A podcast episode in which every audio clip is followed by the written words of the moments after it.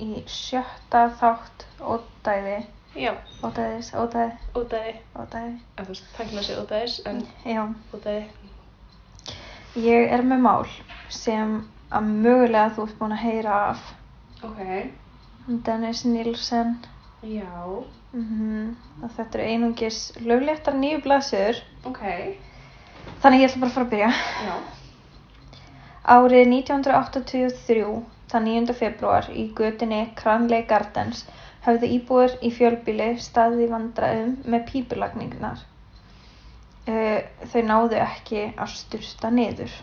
Mm Það var því óskað eftir aðstóð pípulagningamanns sem að lagði, lagaði stípluna í klósettinu. Pípulagningamæðurinn hafði þó orða á því að hann hafi aldrei fundið jafn viður styggilega lykt úr íbúð á allri hans æfi. Áfram heldur klósettin að stíplast svo óska var aftur eftir aðstóð. Pípulagningamæður leiti pípulagningarnar, pípulagnirnar niðri við húsið, sagt úti í götu. Já, já, já. Mm, sá þar eitthvað sem hann vissi að ætti ekki að vera aðna. Hann virti fyrir sér hvað þetta var aðna ofan í og sagði að þetta líti út eins og kjöt nýkomið frá slátrara og svo svona nokkuð bein þarna með í. Já, veit ég. Hann áttaði sig fljótlega á því að það sem væri að stípla klósitinn var hold og kjöt af mannesku. Lauruglan var kölluð til og eftir nánari aðtögun var áætlað að það sem var í pípulögnunum væri hendi. Það sást sér að hnúðar. Já, já. Mm Þannig að hann gerir svolítið vel grein fyrir að þetta var manneska. Já. Paldi, sko, þetta er ábyggilega, ég gæti ekki unnið við þetta starf. Nei. Ég þekki mann sem vinnur bara við það að, þú veist, mynda lagnir og losa stíplur og ég bara... Oh, ég get ekki einu svona losa stípluna sko í baðkarni hjá mér. Nei, Bara þú veist, ég, oh, ég, ég er sko með reglulega það mega engin hár. Nei. Það er í niðurfallið. nei.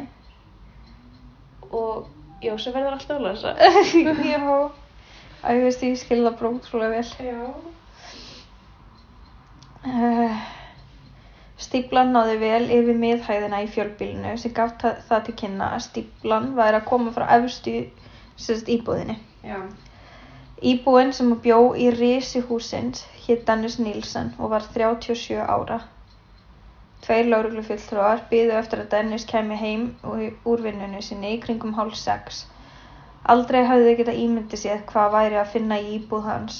Þau vissu að hann væri morðingi en hafði enga hugmynd um viðbjörn sem að þeir kæmi til með að finna. Mm. Dennis Nielsen kom heim á slæginu hálf sex. Annar lauruglumadurinn kynnti sig fyrir Dennis og sagði að hann var að koma vegna pípulagnana í húsinu. Lítið glott kom á Dennis og hann spyr síðan hvernig lauruglan hafi svona mikinn áhuga á segði, þá, sagði við hann, fylgdu með mér upp í íbúðina hérna og ég skal segja þér allt um það. Ok. Það fyrsta sem tók á móti þeim í íbúðinni var þessi yfirgnæfandi lykt, lyktin af rotnandi líki. En pípilagningamaður var búinn að fara þarna inn, veð ekki? Jú, Já. Bara pæla hvað hann hafi... hvað hann hefur séð? Já, Já, ég er til að vita það. já, Ég har alltaf hýrt um það, þú veist, hvernig hans... já. Lauruglumadurinn, hann tala bara um það að það hafi verið vond lykt af það. Já, einmitt. Sem þú veist, að því ég veit alveg hvað er að koma. Já. Finnst mér mjög skrítið að hann hafi bara verið eitthvað, mmm, neða, vond meina, mér myndi ekki þetta í hug að fara inn í íbúð sem er ógislega illa lyktandi og vera bara svona, ok, hvað er líkið? Nei, nei, nei. En, þú veist, Nei. Lauruglumadurinn segi þá við Nílsen að hann sé kominn vegna þess að pípulögningar varu stíplar af mennskum líkamsleifum. Nílsen svarar með, oh my god, how awful. mm, Lauruglumadurinn færi sér nær Nílsen, horfir beint í augun á honum og segir að hann skuli ekki reyna að ruggla í sér og spyr hvað restin af líkinu sé. Dennis hikaði í smástund en sagði síðan að restin af líkinu væri í plastpokum inn í næsta herbyggi. Dennis var þó strax handikinn á lauruglunu og færður í yfirheyslu. Á leiðinu á lauruglustöðuna spyr annar lauruglumannina, erum við að tala um eitt eða tvö lík? Þá svarar Dennis, hvorugt, ég heldur 7-16. Ógislega casual. Já. Líka bara, Nei. Við heimili Dennis fannst í fataskápnum hans tveir svartir ruslapokar á samt nokkrum svona air fresheners sem þú setur í bílinn. Aha. eins og það sem fyrir mikið akkurat. ekki það að sí hvað það er mikið lykt af slæs Já, sérstaklega þú veist nýbúin að taka þetta úr já, og það er ógslag mikið lykt í svona fyrstu þrjá dagana og Já. síðan fyrir það. já, æ, ég veit ekki mér, þú veist, ég get ekki svona Nei. ég hef bara svona ákvæmna týpur af því ég náttúrulega alveg upp á heimilega sem voru helst ekki ilmir af Já. því að þú veist, mamma og sýsti mín eru með rosa mikið ilmefna ofnami Já, þannig að ég fæ alveg svona "Huh?" það er svo mikið lykt af þessu já, kannski virka þetta eitthvað ég bara stórlega hefast það. Í pókunum fundust sundurskortni líkamspartar og tvö höfuð. Í kistu í íbúðin hans fannst torsó, uh, bein og höfukúpa. Ég veit ekki hvað bein, það var bara að tala um torsóin. já, Já, bara einhver bein já. Undir skuffu á baðherbygginu fannst grind og lappir og allt þetta sem maður fannst voru líkamslegar þryggja manna. Leita var í garðinum á fyrra heimili Dennis og þar fundust að minnst okkursti líkamslegar átta manna. Dennis sagði lauruglumannum sem handtók hann off the record að ef hann hefði ekki verið handtekinn hefði þetta líklega stórið 150 manns en ekki bara 15. Vá, Mm það er svona ótrúlega kókrust á honum. Mhm. Það er það nefnilega. Trúið ég innilega að hann hafi náð upp í hundra og já. Mm. Dennis Andrew Nielsen, fætur 23. oktober 1945, var annað barn þeirra Elisabeth og Ólaf. Fadir Dennis, Ólaf, var norskur herrmaður. Hann hafði ferðast um stuttastund til Skotlands árið 1940 þar sem hann kynntist Elisabeth, móður Dennis. Árið 1942 giftust Elisabeth og Ólaf og fluttu saman inn til foreldra Elisabeth. Hjónaband þeirra gekk ekkert eitthvað frábærlega fyrir sig. Ólaf tók uh, hjónalífinu eiginlega ekki með neinum alvara. Já. Hann vann mikið hjá frjó- frjálsa norska hernum og síndi ekkert frum, frumkvæði uh, nýlaði sig fram við að finna nýtt heimili fyrir þau skötuhjú. Hann var líka frekar drikkfældur og þegar að Dennis var fjögur ára gekk fadir hans út af heimilinu en hann í raun þekkti aldrei föðu sinn vegna þess hver ungur hann var þegar hann fór. Já. Dennis átti tvö sískinni, einn eldri bróður og svo yngri systir. Og þegar að Dennis var barn var hann um líst sem miklum einfara. Hann átti eiginlega enga vini að því öllum fann- fannst hann svo skrítinn. Uh, mamman saði svo setna meir að hún hefði aldrei getað kúrt eða knúsast í honum. Dennis gat í raun ekki átt í neinu svona innilegu sambandi við neitt nema afa sinn. Já. Sem er samt alveg, getur verið eðlilegt. Já. Dennis hafði enga fö- föður ímynd en hann átti alveg einstaka tengingu við afa sinn. Þeir fóru oft saman í göngur og veitu fisk. Afi hans Dennis var oft í burtu í marga vikur vegna vinnu en hann vann sem sjómaður. Og þau byggu hjá honum eða ekki? Jú. Var hann ekkert föður í mynd fyrir hann eða, þú Ég veit ekki, þú veist, hann alltaf ekki pappans en Nei, þetta er svona, þú veist, karlmanns ímyndin sem hann hafði í lífinu sínu. já, veit ekki, strákurinn minn kallaði afa sinn mjög lengi pappa. Æ, dúllinn. Já. Dag eitt þegar Dennis kom heim úr skólanum spurði mammans hvort hann vildi koma og sjá afa sinn. Dennis var mjög gladur en hann hafði enga hugmynd um það að afi sinn væri heima. Uh, hann gekk inn í eldhúsið og borðinu var löng kista. Í kistunni hans var afi hans. Þetta er svo ógæslegt. Já, það er það nefnilega. Já, akkurat, hann úkslega gladur líka bara, nei, ég vissi ekki að afi væri heima. einmitt. Mm Hann hafði dáið út á sjó en líkið hafði verið flutt, uh, fundið og flutt heim fyrir jarðaföruna. Það var mikið áfall fyrir Dennis. Af því að enginn hafði undirbúið hans fyrir það að af hans væri dáinn eða hvað hann myndi sjá þegar hann gekk inn í. Einmitt. Þetta atvik kom til með að hafa stór áhrif á Dennis en þannig að tryggriði þetta djúbstæðan söknuð og ævilangt dálæti á líkum. Þarna hafði að öllum líkindum ímynd hans og dauða ást einhvern veginn rugglast saman. Að ég samt bara skilja hann lega. Já, Hann var ungur, hann vissi ekkert hvað í gangi. akkurat. Engin eitthvað að láta hann vita, heyrðu þú veist. Nei, og svo er þetta óþægilegt, en þú veist samt áræðanlega líka bara eitthvað, ó, ég ætla að reyna að vera þakkláttur fyrir að fá allan að sjá hann. Já, akkurat. Ok. Þegar að móðir Dennis sagði við hana að hann sé á betri stað núna, skildi sex ára Dennis ekkert í því. Ef hann er farin á betri stað, of hverju tók hann ekki hann með sér þá? Ég skil hann svo ógæslega vel. Já, og þetta er svo Ég þóla ekki þegar, saklus hugsun. já, en þú veist, ég þóli heldur ekki þegar fólk segir við lítil börn, Mhm, eða unga krakka, hann er farin á betri stað. Já, Hvaða krakkir eru fyrir að bara, já, Aha, það meikar sens. já. Eftir þetta fór Dennis stundum að sjónum og, le og leka hann væri að drukna. Fyrir það var það leið fyrir hann til þess að vera nánari afa sínum. Æ, ógæslega hættulegt, en þetta er samt pinsætt. Já, en þú veist, Það er samt ógæslega sorglegt. já, líka bara það, það er barnarna sem er greinilega að ströggla. Of hverju er enginn, þú veist, Já, hjálpa hann. já, Mér finnst það bara sætt að hann er að leita í nánd við afa sinn. já. Ekki drukna parturinn. Nei, nei. Þegar Dennis var 15 ára gamall fór hann út af heimilu sinu og gekk í herinn.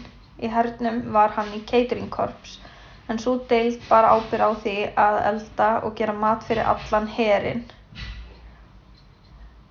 Hann, hann læri þar slátur kunnáttu sína, Mm. kunnáttu sem kom síðan setnaðum til með að vera notuð í allt annað. Já, hættu. Mm. Dennis var virkilega þrætugjarn. Ef þú hefði sagt við hann að sebraðistar væri svartir og hvítir, hefði hann þrætt um það að þeir væri hvítir og svartir. Uh, en Dennis átti sér leyndamál sem hann gæti ekki sagt neinum. Dennis var samkynneigður og á þessum tíma það var ekkert allt vel tekið í samkynneigð og hvað þá í hernum. Nei. Á tíma hans í hernum kviknaði upp hjá Dennis áhugi fyrir ljósmyndun. Hann fekk samstarffélaga sína í hernum til að liggja á gólfinu og láta eins og þeir hefðu dáið í stríði á meðan hann tók myndir af þeim. Dennis var í 11 ári í hernum eða þóng til hann var 26 ára. Eh, Eftir 11 ár við störf hjá hernum árið 1972 byrjaði hann að starfa hjá lauruglunni. Hann var þar í 8 mánuði áður en hann hætti. Og það skrítið svo. Já. Hann hóð því næst störf sem öryggisvörður en svo vinna henda honum heldur ekki alveg nógu vel. Uh, hún var frekar óstabíl, mikið af törnum, svo innan vill detta allt niður og það var engin vinna og þar af lítil eða engin laun. Já. Í mæ 1974 fekk hann vinnu sem starfsmæður hins opinbera. Hann vann þá við að hjálpa fólki sem var ómentað að finna sér vinnu. Þetta er eitthvað svona svipa á vinnumálastofnun. Já. Uh, yes. Í vinnunni var Dennis drektur fyrir að vera hlédrægur, samvinsku samur starfsmæður sem var mjög virkur í verkalýsreifingunni. Mæting hans í vinnuna var ekkert frábær en hún var heldur ekkert slæm. Mjög mikið bara svona average. Ok. En hann bauðst oft til að taka á sig yfirvinnu þannig að samstarfsfélag hans fengi eiginlega bara þannig orku frá honum að hann væri bara einfari. Já, já. Við erum að fara að taka alveg snögga beigju til vinstri núna, en árið er 1978 og það er 29. desember. Ok. Stephen Holm var 14 ára gamall og hann hafði verið að ske- skemmta sér á rocktónleikum og leið hans heim gekk hann fram hjá pubnum Cricklewood Arms uh, þar sem hann kemst í kynni við Dennis Nielsen. Dennis bauð hann um drikk og þau spjölluðu aðeins saman. Svo var förinni heitið heim til Dennis þar sem að Dennis lofaði drikkjum, tónlist og góðri stund. Side note, Dennis segir að hann hafi haldið að Stephen hafi verið sko 17 ára en ekki 14 ára. Af Því það er svo mikið betra. Aha, Því hann sjálfur er 30. já, Einmitt. Ok. eða komin á 40 aldurinn. Já. Já. Nei, hann er á 30 aldrei aðna. Ég, ég, Þegar ég tala um 30, þá var ég samt að hugsa sko frá 30 til 40 af því að mér finnst já, íslensku dæmið bara ekki meika sens. nei, akkurat. Líka bara mm, ég er 31, þú veist komin á 40 aldurinn. Það, já, hljóma eitthvað eins og, ok. Daginn eftir vaknaði Dennis við hlið hans Stevens. Uh, nei, þetta er vitlaust. Ég er að, ég er að segja vitlaust. Daginn eftir vaknaði Dennis við hlið uh, og við hlið hans í rúminu var Holmes. Hann viðurkennir seinna meira að undir meðutundin hans hafi vakið præðslu hjá honum. Hvað ef að þegar hann vaknar að þá fara hann og komi aldrei aftur? Mm, smá Mm -hmm. að skilja hvað. Dennis strauk sofandi stráknum og já, ég ætla að segja stráknum að því þetta er strákur. Þetta er strákur. Og Dennis ákvað þá að Holmes skildi vera hjá honum yfir áramótin, saman hvort hann vildi það eða ekki. Dennis greip þá í bindi, fór klofið og ofan á Holmes og að meðan kyrtan hann þar til að hann misti meðvitund. Það var samt ekki nóg fyrir hann Dennis og hann vildi vera viss um að Holmes væri dáinn. Hann tók því næst fötu með vatni og drekti honum í fötunni. Eftir það hafði hann kyrt og eftir að hann hafði kyrt og drekt, Holmes færði Dennis strákin í baðkari sitt. Hann þóði líkinu og lagði það svo á rúmið sitt. Dennis rungaði sér tvis og sinnum á meðan hann beigð eftir að líki komst yfir stífleikan. Mm. það var búið að stífna og svo orðið alveg Já. slaftu. Já, oi. Uh, hann kom þá á þá hann kom þá líkinu fyrir undir gólfplötum í íbúðinu sinni. Lík Holmes kom svo til með að vera þar sérst undir gólfplötunum í næstum átta mánuði eða þar til að Dennis kveikti í því sem að eftir var af líkinu í lítilli brennu í garðinum hjá sér. Þetta er svo skrítið sko. Átta mánuði, getur þú ímyndað lyktin? Mhm. Ugh, Úgeslegt. já. Árið 1979 fekk Dennis Nielsen stöðuhækkunin. Stöðuhækkuninni fylgdi meiri ábyrgð og umsjón yfir hópa fólki sem var kannski ekkert alveg í bestu stöðu í lífinu sínu. Uh, hann vann í þessari vinnu uh, í þessu stöðugildi alveg fram að handtöku hans í júni 1982. Ok. Dennis fór í gegnum næstum heilt ár þar sem hann draf engan nýja gerði tilraun til þess og það má segja að hann hafi lifað á minningunni þegar hann draf Holmes. En að lokum var minningin ekki nóg. Hann vildi fá að upplifa þetta aftur. Sem er samt líka, þú veist, hann heldur líkinu mjög náttúrulega sér. Aha, Það er kannski mega sens. mm. Átta mánu, ég bara kemst ekki yfir þetta, hvernig getur þú veist, Nei. haft þessi, þú veist, þessa rosalega lykt. Já, ég skil ekki. Mm 11. oktober 1979 reyndi Dennis að drepa skiptinema frá Hong Kong. Sá strákur hét Andrew. Andrew og Dennis höfðu hist á St. Martin Lane pubnum. Dennis hafði þá lokkað Andrew heim, eh, heim til sín með lofórð um góðar stundir. Sexy time. Nice. Dennis reyndi þá að kirkja Andrew en Andrew náði með naumundum að flýja úr íbúðinni sinni og tilkynnti atviki til lauruglu. Þetta atvik hefði geta orðið til handtöku Dennis og þar, af, e, og þar með bjarga fjöldalífum. Já. Dennis var kallar í yfirheyslu en málið náði ekki lengra þar sem að Andrew hann ákvaða að leggja ekki fram neina kæru. Ó, ég þvól ekki. Já, já ég, þetta er sorglegt. Samt alveg, þú veist. Ég skil, Ég, ég, ég get ekki sett mig í hans spór, skilur þú? Nei, ég skil það samt alveg. Ég hef gengið gegnum réttakerfið í tvö skipti og ég, þú veist, honestly, ef, ef ég myndi lenda í ykkur, þú veist, árás eða eitthvað svoleiðis í dag, ég, honest to god, þá myndi ég ekki kæra það. Nei, Ég bara treysti því ekki. nei. Tveim, hvað sér? En ég skil það, þú veist, þú hefur gert það. Þú veist, hann, að ég veit ekki. Já. Tveimur mánuðum eftir þetta atvik þá erum við enn og aftur staddar á pub. Þann 3. desember 1979 komst Dennis í kynni við 23 ára gamla nema frá Kanada. Nemin hétt Kenneth Oakland. Kenneth hafði verið að ferðast um landið og heimsækja ættingja. Dennis nýtti sér þessar upplýsingar og bauði honum uh, að hann ætlaði að sína merkilega áhugaverði staði í London. Og Kenneth tók þá þessu fallega bóði frá Dennis en hann, og ég held að enginn getur látið sér þetta til hugar, hverski eins og viðbjöðu var að ganga eða fljúa í gegnum kollin á Dennis. Nei. Dennis náði að lokka Kenneth heim til sín með lof um mat og drikk. Á leiðinni heim uh, stopp, á leiðinni heim til Dennis stoppaði að kaupa viski, rom og bjór og þeir splittuðu síðan kostnaðinum á því sín á milli. Þegar þeir komu heim til Dennis síndi Dennis Kenneth nokkra plötur sem hann hlustaði á með heyrnatólum. Ok. Dennis réð þá ekki við sig en setna meir þá getur hann ekki alveg sagt hvað var að fljúa í gegnum hausin á honum þegar þetta gerðist. En Dennis tók snúrun á heyrnatólunum og kyrti Kenneth með þeim. Hann drók svo lík Kenneth um íbúðina og með vír vafði hann í kringum háls Kenneths. Hann hellti sér í cirka bát hálft glas á rommi og fór svo að hlusta á tónlistina með heyrnatólunum sem hafði rétt í þessu nota til að myrða. Og það er svo skviti. Já, af hverju? Já. Ég bara eitthvað við það að horfa á mannin hlusta á tónlist með hennintólum. Já, akkurat. Daginn eftir skellti uh, Danny sér út í búð og kefti pól, Polaroid myndavél sem að hann notaði til að taka myndir af líki Kenneths í ímsum stellingum.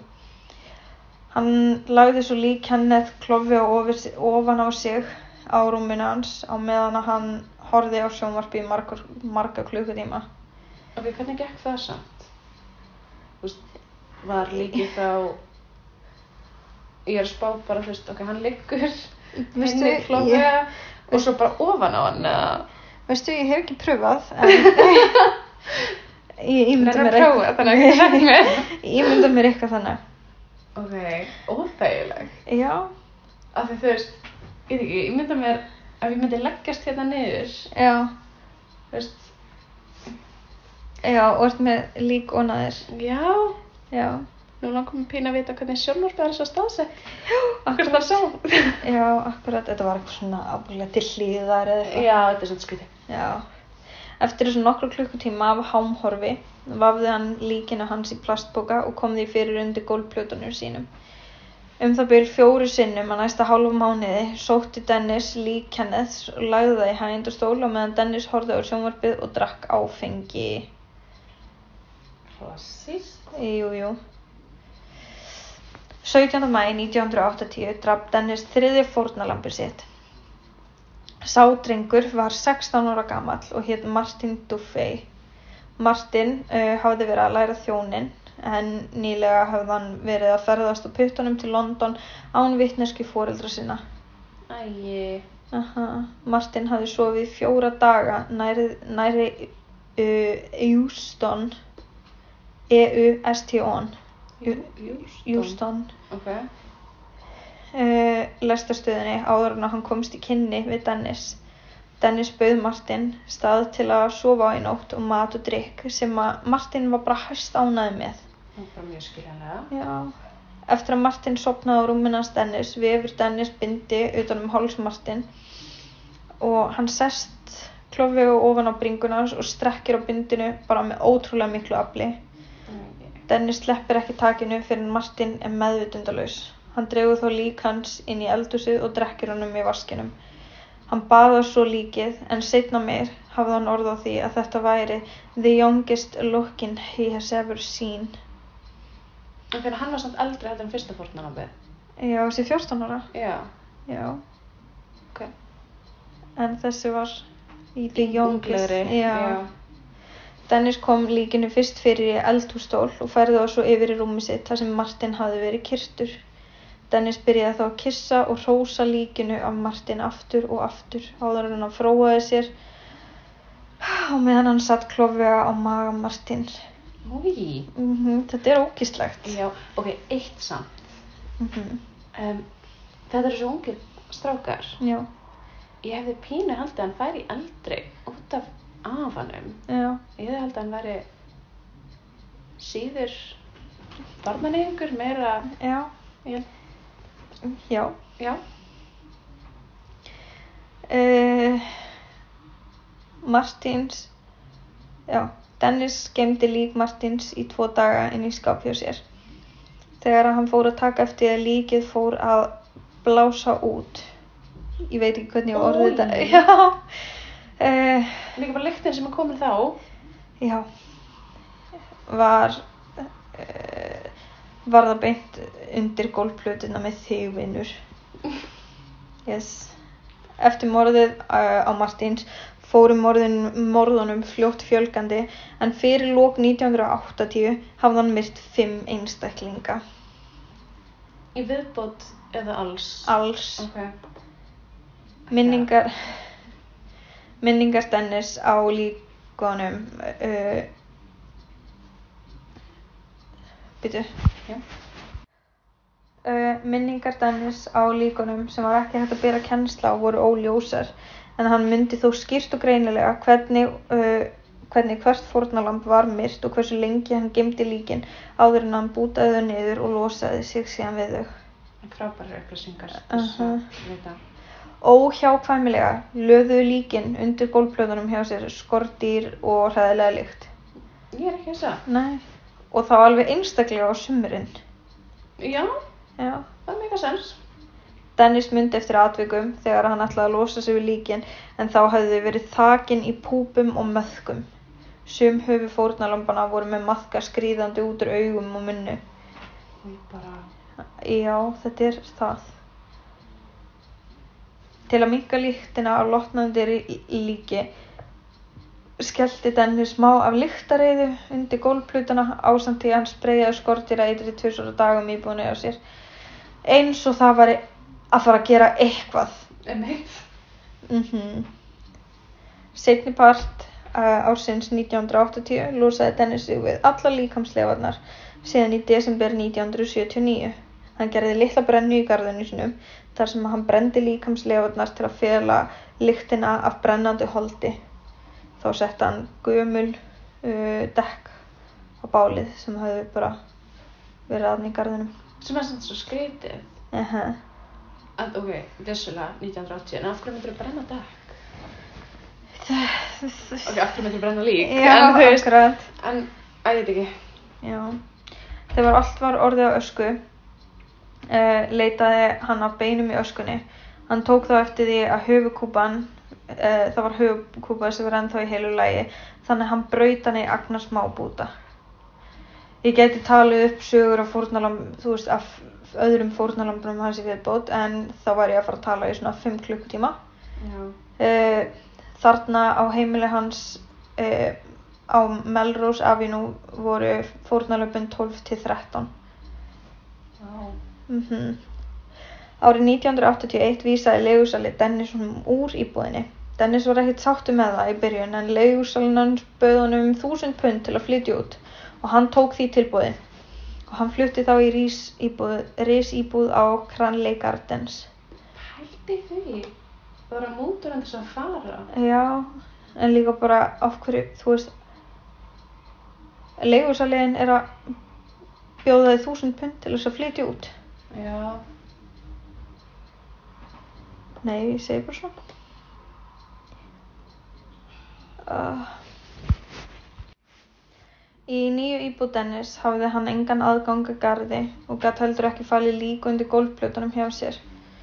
Þetta var sér drís íbúðin. Já.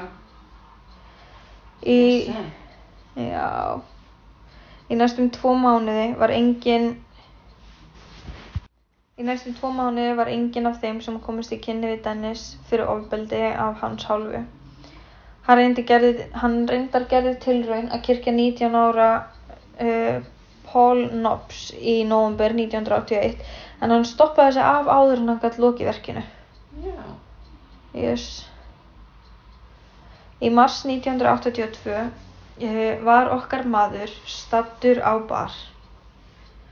Hann, hi hann hitti þar 23 ára John Howlett. Sama munstur gekk áfram. Dennis sannfæri John um að koma heim með sér um lof, uh, með lof um áfengi og góða stundir. Dennis og John drukku áfengi, horfði á mynd og John endaði svo á því að ganga uh, inn í herbyggi Dennis og sopna á rúmin hans.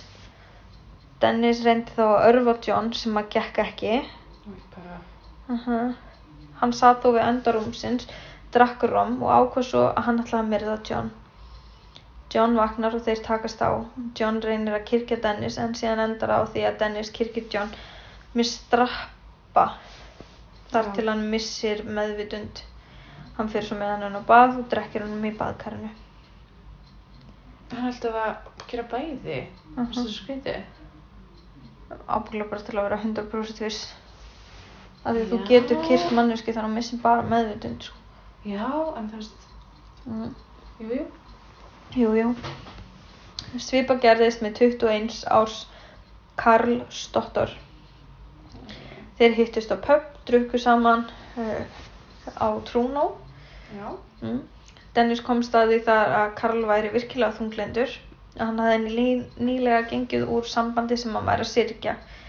Dennis kefti drikk fyrir hann og bauð honum svo að koma heim til sín. En fullvísaði Karl að væri ekkert, hann væri ekkert að leitast eftir kynlífi eða neitt hannig. Nei. Var bara að bjóða honum að koma til sín, heim til sín að drekka meira og bara spjalla á eitthvað.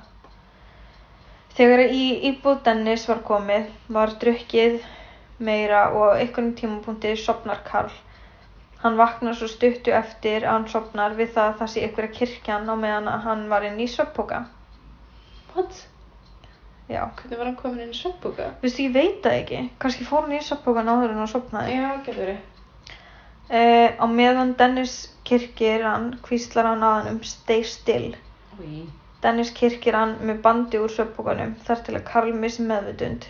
Karl held á þessum tímapunkti að Dennis væri að hjálpa honum. Nei. Jú. Hann rankar svo við sér og heyrir hljóð í rennandi vatni og missir meðutund aftur. Hann vaknar svo aftur við það að það var verið að halda hann myndi vatni. Karl kallar, nei, gerði það, ekki meira, please, ekki meira. Honum var þó ljóst að Dennis var ekkert að reyna að hjálpa honum. Nei. Dennis virðist á einhverjum, einhverjum tímapunkti þarna hafa skipt um skoðun og hættir að reyna að drekka Karl. Hann byrjar svo að reyna að muna, uh, uh, nei, hann byrjar svo að reyna munn við munn aðferðina og setja hann fyrir fram, setja hann fyrir fram hann hitar hann. Veit ekki hvernig, þú veist, við erum að opna, hann er með hitara. Já. En er þetta ekki... Ég veit ekki, er þetta ekki svona svipað á rafmagnsofni eða eitthvað svoleiðis? Ég held það. Já. Þegar að Karl komst til meðutundar aftur fór hann upp á spítala. Þetta er svo skrítið. Þetta er það. Þetta er líka bara langt því að vera hans fyrsta morð. Já. En hann Allt hann með samvisku og bara... Bara skipti skoðum, bara hætt við. Já. Nielsen fekk stöðuhækkun árið 1982 í vinnunni sinni sem framkvæmdar stjóri. Uh, hann vann þar í Job Center sem að, eins og ég sagði áðan að mér skilst er eins og vinnumálastofnun. En hans hlutverk var að hjálpa fólki í kannski ekki best beint, veist, í kannski ekki beint bestu stöðum í lífinu sínu Já. við að finna sér vinnu. Hann var ekkert að finna fórnarlega þar. Það Er það næsta svo alltaf að segja? ég, þú veist gat ekki lesið 100% út úr þessu, þú veist, hvar hann væri að finna fórnarlömbu sín, Nei. en þetta lítur svolítið út eins og hann hafi verið að nýta sér vinnuna sína í að finna, þú veist Já, það getur vel verið. Já. Uh, síðasta mordennis var um 20 ára gamli Stephen Sinclair. Sinclair sást síðast af kunningja sínum með Nilsen lappa heim við lestastöð. Sinclair var lokkaður heim til Dennis þar sem hann sopnar í hægindastól vegna áfengis og vímöfnanótkunar. Nilsen kraup fyrir neðan Sinclair og sagði Oh Stephen, here I go again.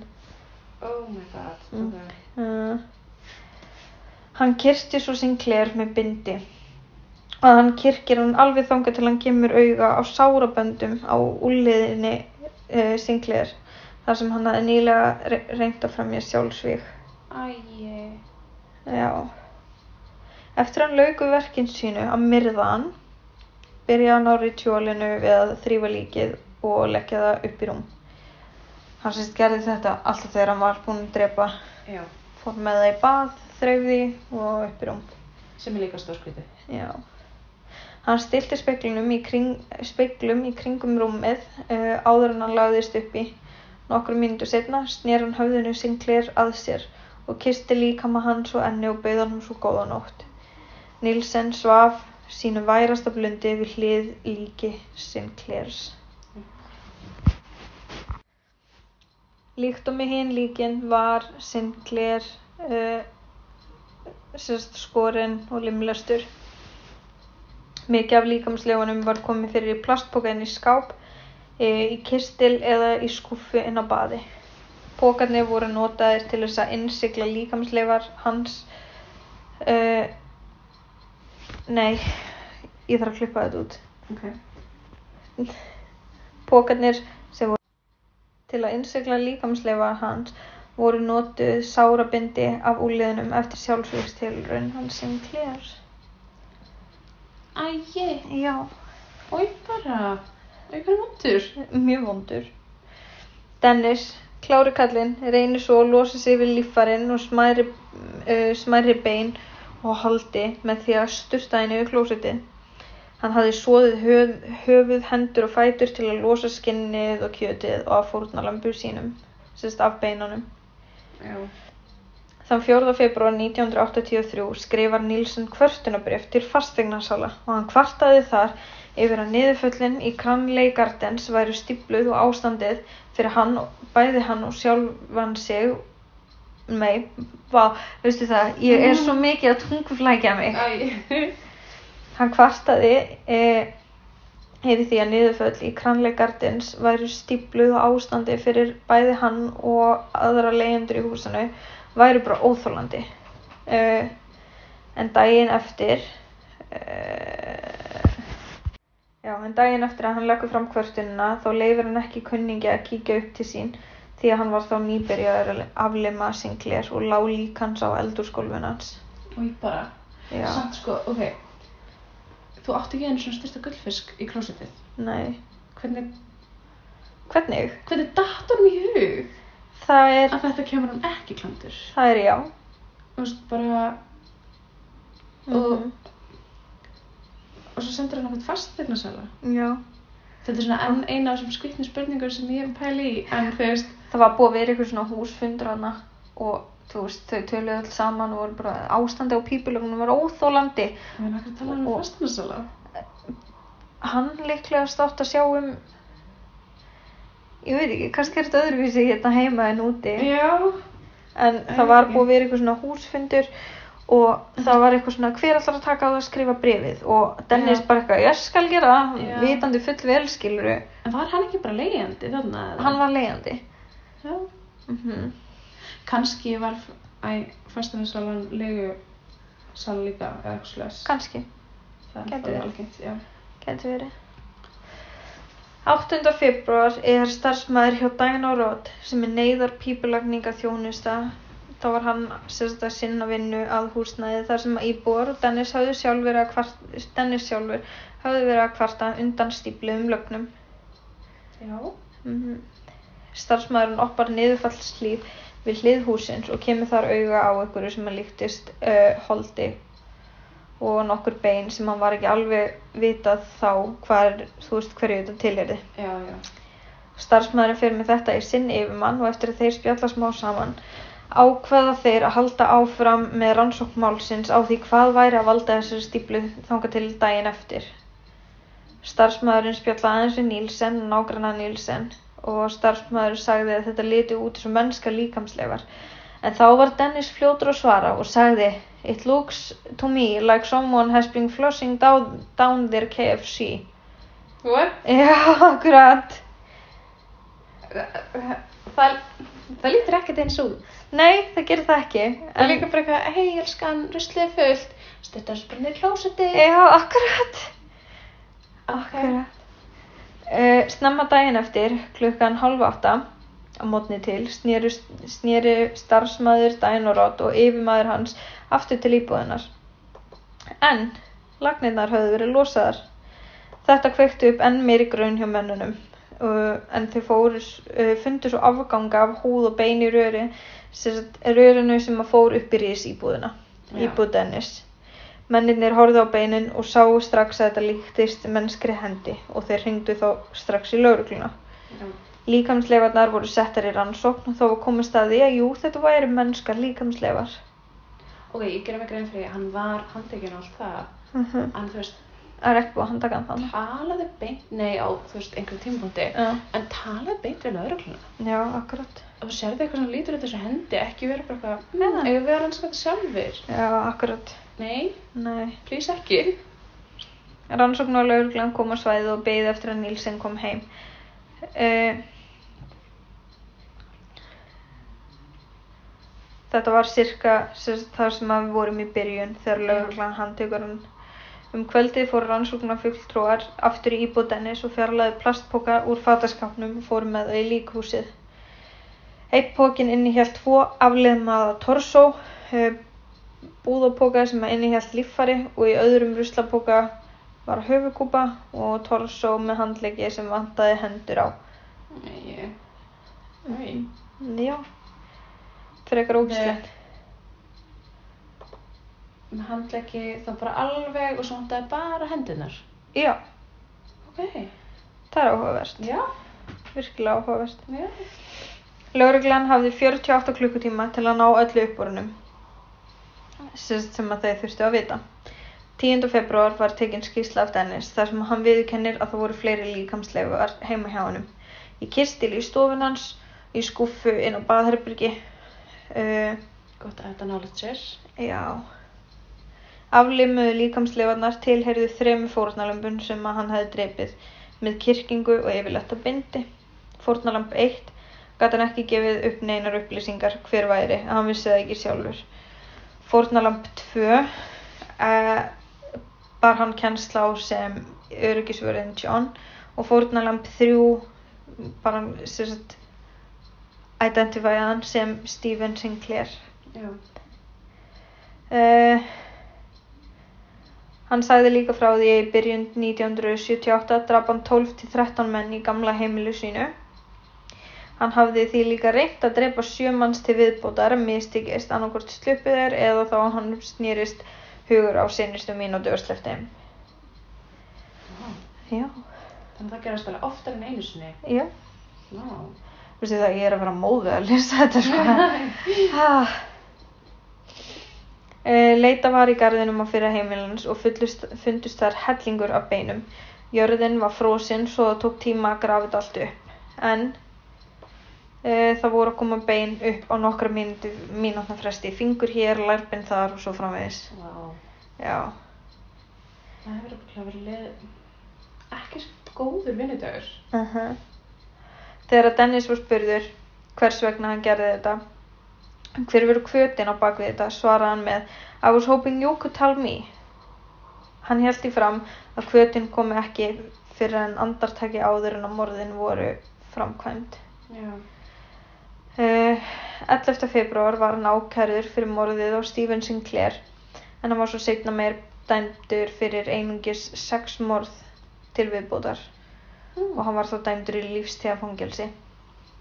Kannski bara þau sem að fundust líkamslegar af. Já, bara það sem var hægt að sanna. Já. Dennis lést á York sjúkrahúsinu 12. mæ 1900, nei, 2018 sem er ekkert langt síðan. Nei, mjög nýlega. Já, Mm. vá, þú var bara að ljóma yfir, þetta er svolítið, ha? Ég veit ekki okkur mér fannst það gaman. Já, uh, hann dósist úr lungnabólgu og blæðingu í kviðarhóli sem átti sér stað í kjölfar uh, skurðaðgerar sem var gerð til að laga úsæðar í kviðarhóli. Eftir sjö ár í fangelsi byrjaði Nílsen að skrifa æfisöguna sína. Hann gerði það yfir 18 ár og var bókin 6.000 blaðsýður. Sælir. Já, en já, þetta var sagan af Dennis Nílsen og Var hún útgefin? hvað segirðu? Var hún gefin út? Bókin? Já. Ég veit það ekki. Ok. Því miður fá fórnalamb hans ekki öll sitt réttlæti en við getum huggað okkur það að hann fór og hann dó í fangelsi. Já, já, já, algjörlega. Mhm. Og ekki við góðar aðstæður. Nei, ynga veginn. Bara áræðanlega þjáðst mikið, mikil svo seki. Já, Ég akkurat. hugsa að þetta sé alveg mun verið leið heldur en það bara spraut í hendina sko. Já, akkurat. Nei, mér finnst þetta alveg ótrúlega áhugavert. Já, Ég hefði, þú veist, ég hefði alveg geta haft þetta mikið, mikið, mikið lengra já, en já, já. uh, ég held þetta sé partur af ADHD-inu og mér langar alltaf að klára. Já, já. Já.